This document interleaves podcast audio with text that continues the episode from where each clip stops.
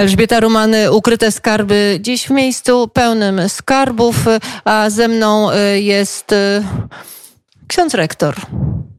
Ksiądz rektor podróżnik, ksiądz rektor um, szef um, tej budowli, w której, właściwie nie budowli, tego miejsca, no co będę mówić, ksiądz rektor seminarium w Pelplinie. Witam księdza, szczęść Boże. Szczęść Boże, kłaniam się pani redaktor, kłaniam ksiądz się rektor Tomasz Huzarek. Tak jest. Dobrze powiedziałam, bez roweru tym razem. No, sezon rowerowy się kończy, choć jeszcze można trochę pojeździć. Pelplin, miejsce piękne. Zaczęłam dzisiaj e, życie w Pelplinie od e, przemknięcia do katedry. Mieszkam z widokiem na katedrę, a tak, proszę Państwa, można mieszkać tylko, jeżeli się jest klerykiem, kanonikiem, biskupem, no albo dziennikarzem Radia Wnet, bo tak się też udaje e, dziennikarzom w opuszczonym, nie opuszczonym, wakacyjnym seminarium, gdzie kleryków nie ma. Miałam przyjemność mieszkać, no i stąd to szybciutki przebieg do katedry, a katedra tutejsza to jest cudo absolutne i trochę powiemy o tej niezwykłej budowli. Miasto w południowej części województwa pomorskiego, jeżeli Państwo jeszcze nie byliście, no to lepiej ruszyć. Nad rzeką Wieżycą, po jeziorze Starogardzkie, Dolina Kwidzyńska, inaczej mówiąc Kociewie. Kociewie leżące na Pomorzu Gdańskim. E, Pelplin, nie wiadomo tak do końca, kiedy miasteczko zostało założone. Mm, pierwsze wzmianki w kronikach to rok 1274, e, kiedy według zapisków książę pomorski Mszczuj II przekazał cystersom wieś Pelplin. No i przybyli tu cystersi, wszystko zaczęło się cywilizować i te przepiękne cysterskie budowle e, dziś jeszcze można tu oglądać, do niektórych wejść, w niektórych mieszkać.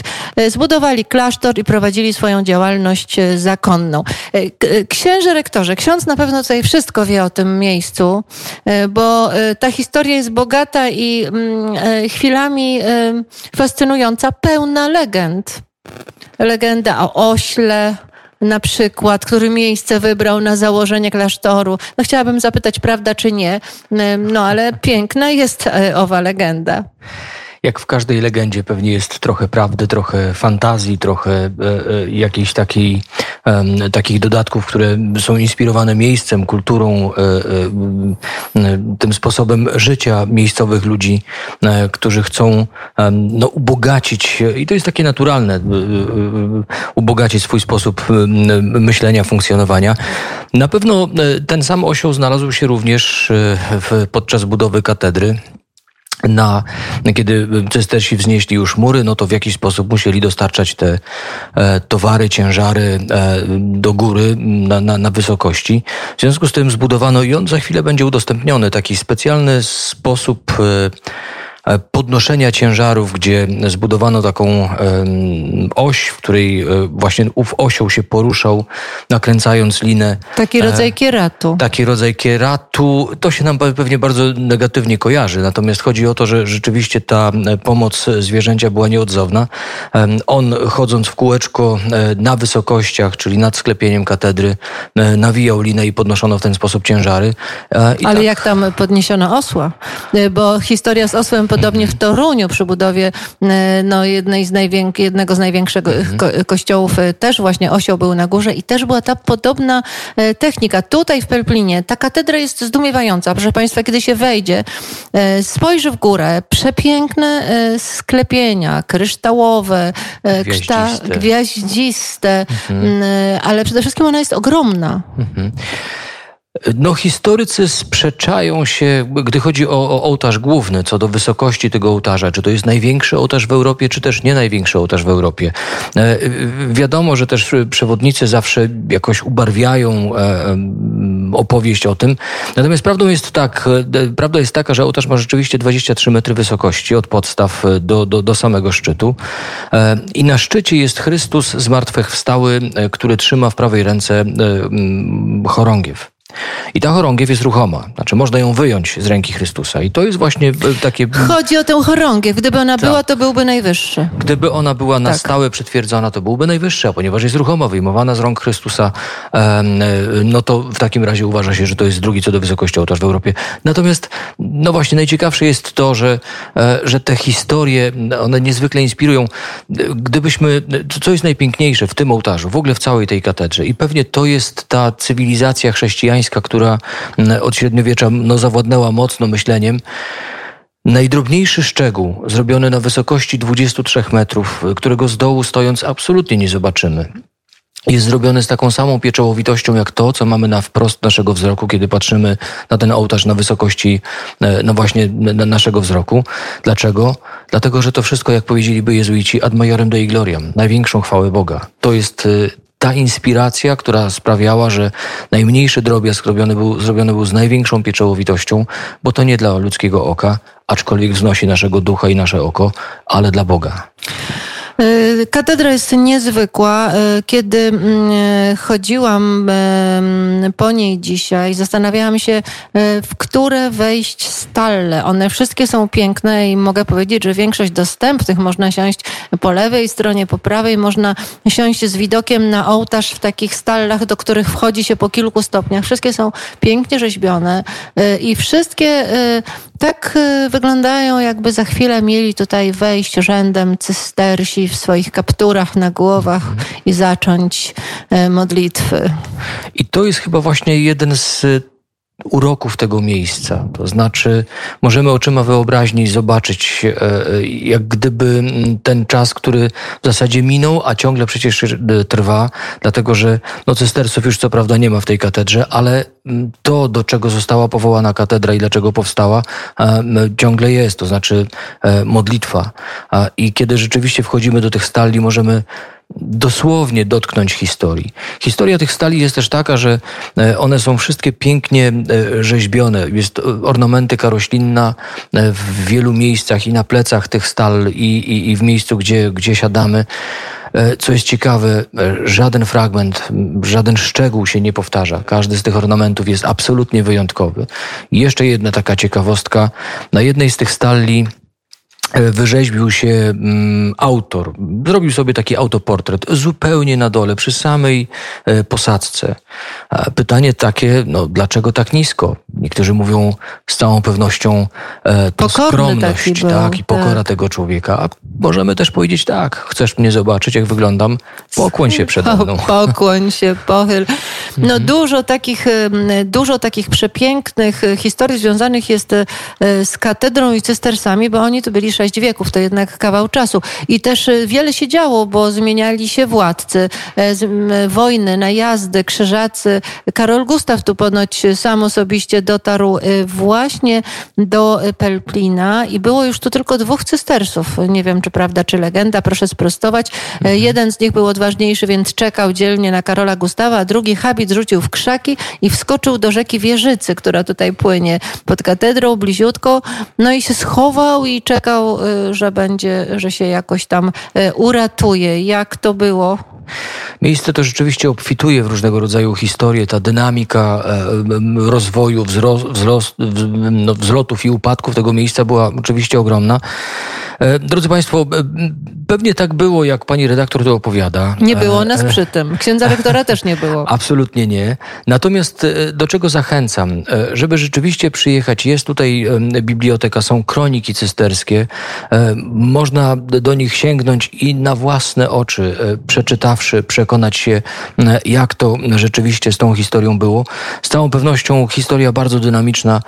Co prawda od 1823 roku została tu przeniesiona diecezja, stolica diecezji chełmińskiej. I biskup mieszka tu w tych ogrodach w rezydencji. I ksiądz biskup mieszka w rezydencji, tutaj w, w, w domu biskupim, który też no, pięknie się eksponuje, dlatego że wszystko teraz jest reno, odnawiane, restaurowane, między innymi ogrody biskupie. Oj, piękne są. Nie wiedziałam, zobaczyć. z której strony zrobić zdjęcie, bo piękne i żywopłoty, i taki dywan kwiatowy, i wszystko pięknie jest utrzymane.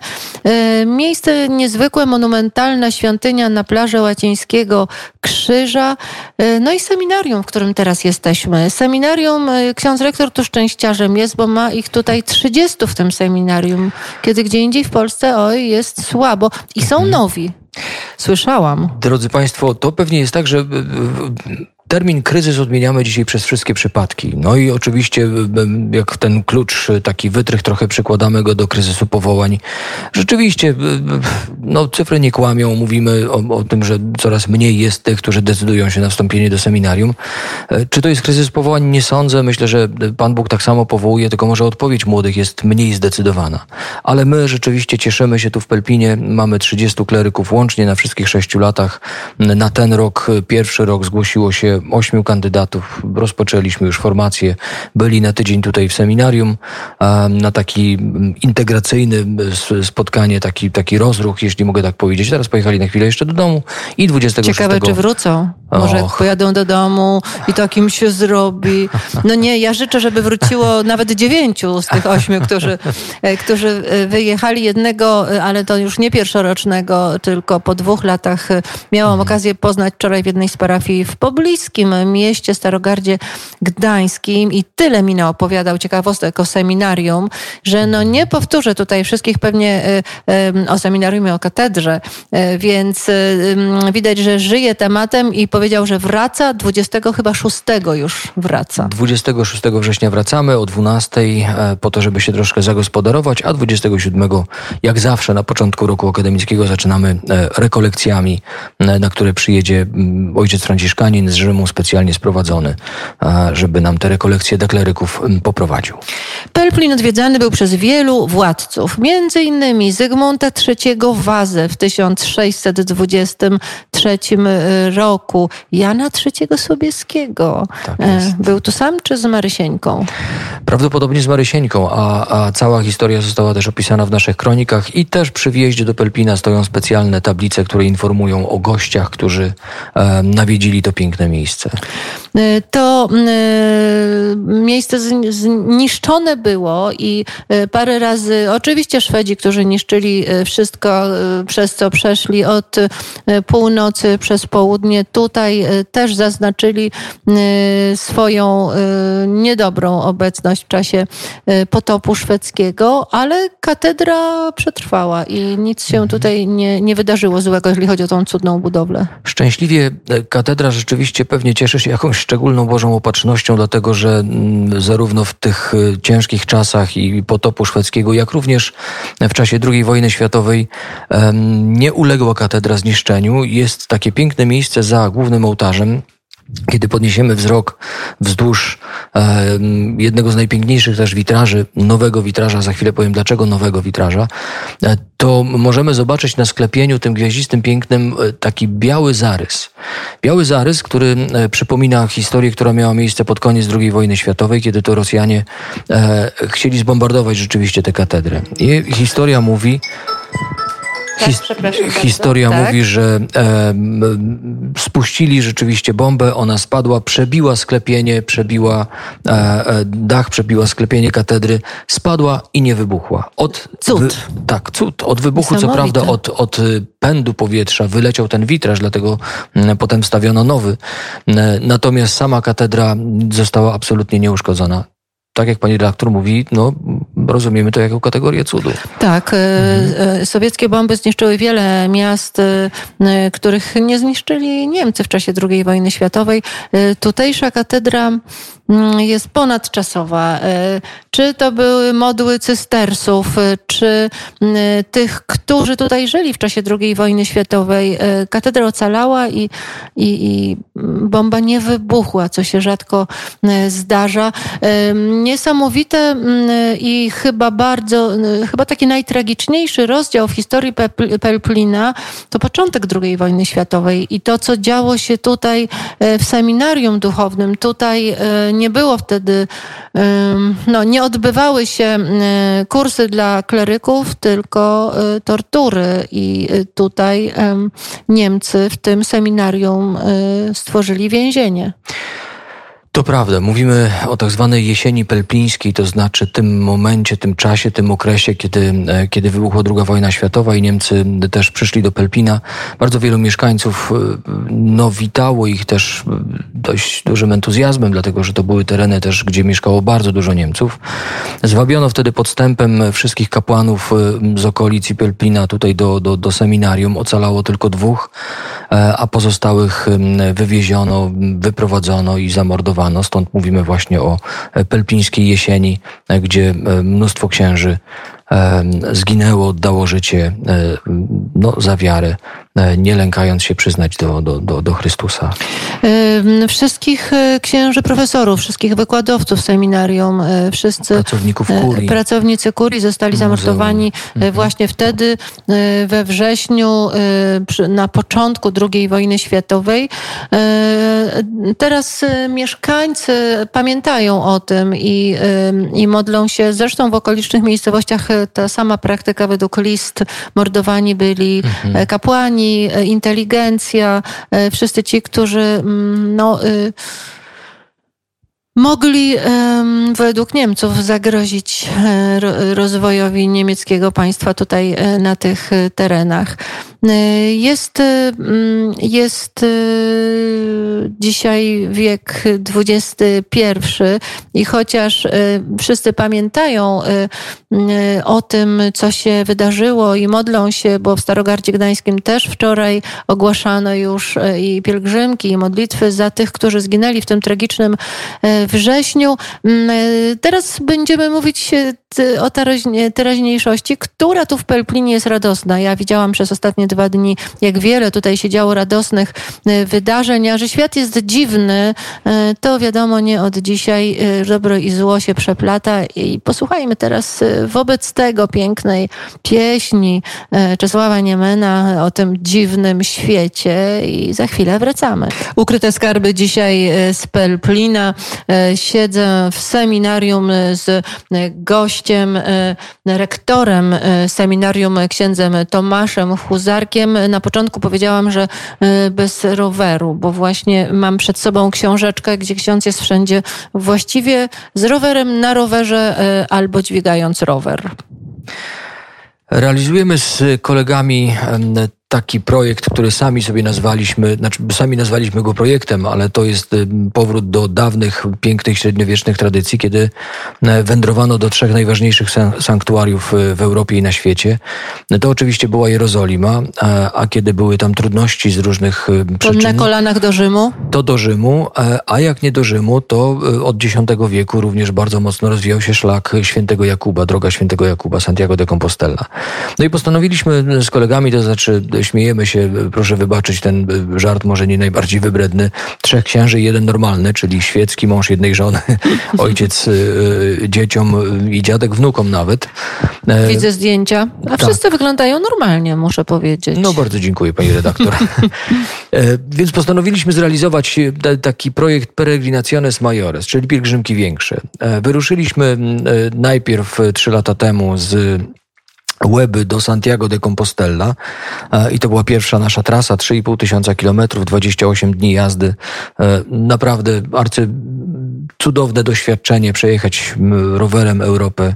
Niesamowite. No, z Łeby i tam jeszcze kawałek to się dobrze jedzie, bo jest prosto i równo, ale co mhm. jak się góry zaczynają? No góry są wyzwaniem, ale to jak w życiu, raz pod górkę, raz pod górkę, e, raz z górki. W związku z tym no, no, to, to są takie wyzwania, które określają też charakter naszego życia. Ile kilometrów kilometrów dziennie możecie przejechać? E, robiliśmy od e, zależności właśnie od ukształtowania terenu od 80, od 80 do 180, a nawet w ciągu 190. Jednego dnia. Tak, w ciągu jednego dnia. E, tak, to jest do zrobienia. Natomiast e, jakie mamy cele? Cele były dwa. Pierwszy cel to modliliśmy się jako, jako księża o powołania zapowołanych, o świętość życia kapłańskiego. To była główna nasza intencja. A druga intencja była taka, że chcieliśmy trochę w cudzym słowie, proszę to rozumieć, komercyjnie zamienić kilometry na złotówki i na Facebooku rozkręciliśmy też taką akcję, że każdy, kto wpłaci choćby złotówkę na budujące się kartuskie centrum Caritas, czyli dom, hospicjum, no to my codziennie per turnum, każdy z nas kapłanów odprawiał mszę świętą i cały dzień jechał w intencji tych darczyńców. No to bardzo piękna okoliczność. Czy udało się coś zebrać? Byłam tam w Kartuzach, widziałam to wielkie dzieło księdza proboszcza z mhm. parafii świętego Wojciecha świętego, Marka. Tak, mhm. tak. Mhm. Więc no rzeczywiście wielkie dzieło i ksiądz proboszcz, choć łatwo mu to nie przychodzi, bo sam jest mocno gdzieś tam dotknięty mhm. trudnościami, buduje to hospicjum, tak bardzo potrzebne jednak. Myślę, że jak najbardziej, dlatego że e, w okolicach, e, właśnie tam na Kaszubach, nie mamy żadnego hospicjum. Nie ma żadnego takiego miejsca, w którym można by rzeczywiście e, pomóc osobom, które już same sobie pomóc nie mogą. To jest piękne dzieło i ksiądz prałat Trybowski Marek właśnie zawsze mówi, że no, budujemy drogi, budujemy infrastrukturę, budujemy mosty. Wszystko pięknie, ale jeśli zapomnimy w tym wszystkim o człowieku, to ta cywilizacja będzie cywilizacją no, dotkniętą jakimś rażącym brakiem.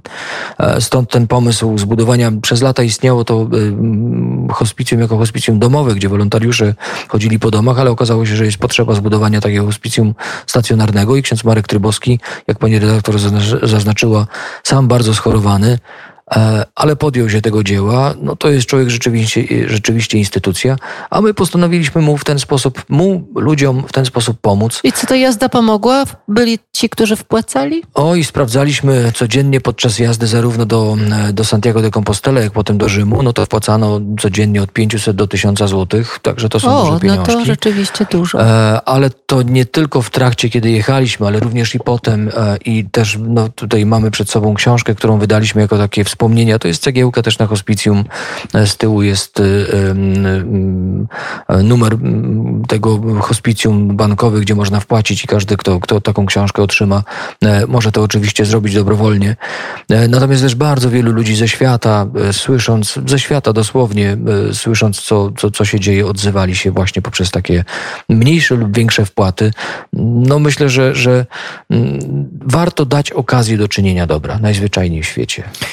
Warto i też warto pielgrzymować. Muszę powiedzieć, że jak mi ksiądz na dzień dobry tutaj e, przyjmując mnie, goszcząc w tym seminarium, powiedział, że teraz rowerem do Jerozolimy, to sobie pomyślałam, no jak to można tak zrobić? To coś fantastycznego. No, realizując ten plan, e, no byliśmy trzy lata temu, jak wspomniałem, w Santiago. W ubiegłym roku z Pelplina wyjechaliśmy do Rzymu. To zajęło nam no, tam 23 dni, więc to zdecydowanie krócej. No i teraz, żeby domknąć ten plan e, Peregrinaciones Majores, to zostaje nam Jerozolima. I w przyszłym roku chcemy wyruszyć, ale no, na razie mamy takie plany, że być może podzielimy tę trasę na dwa etapy, bo, bo, bo pewnie trudno z urlopem.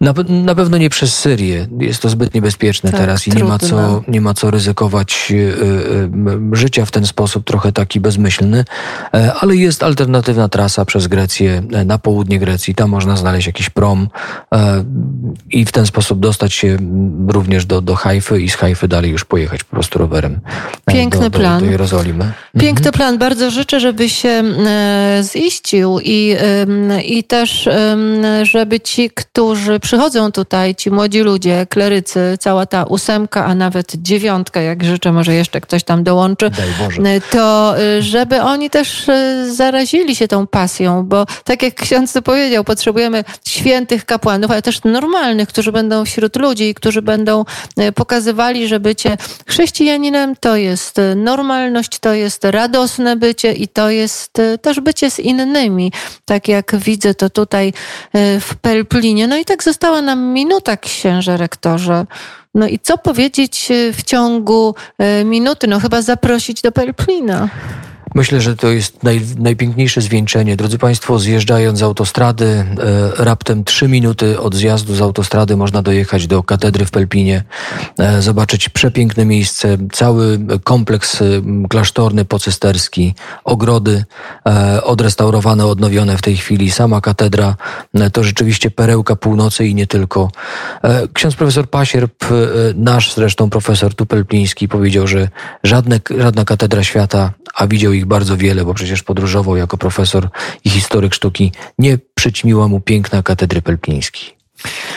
I tak to wybrzmiało pięknie na koniec, a ten Pelplin przez ostatnie dwa dni jawił się jako y, bardzo młodzieńczy, bardzo radosny. Cała katedra otoczona jarmarkiem cysterskim, pełna ludzi młodych, y, radosnych, próbujących się w różnych y, cysterskich sportach, próbujących jadła cysterskiego, poprzebieranych, a jednocześnie no tak blisko tego kościoła, który przyciąga, który jest otwarty, który jest pogodny, radosny, no i piękny, piękny jak katedra w Pelplinie. E, bardzo dziękuję za piękne opowieści. Ksiądz rektor Tomasz Huzarek był naszym gościem. Bardzo dziękuję, dziękuję pani redaktor, dziękuję państwu.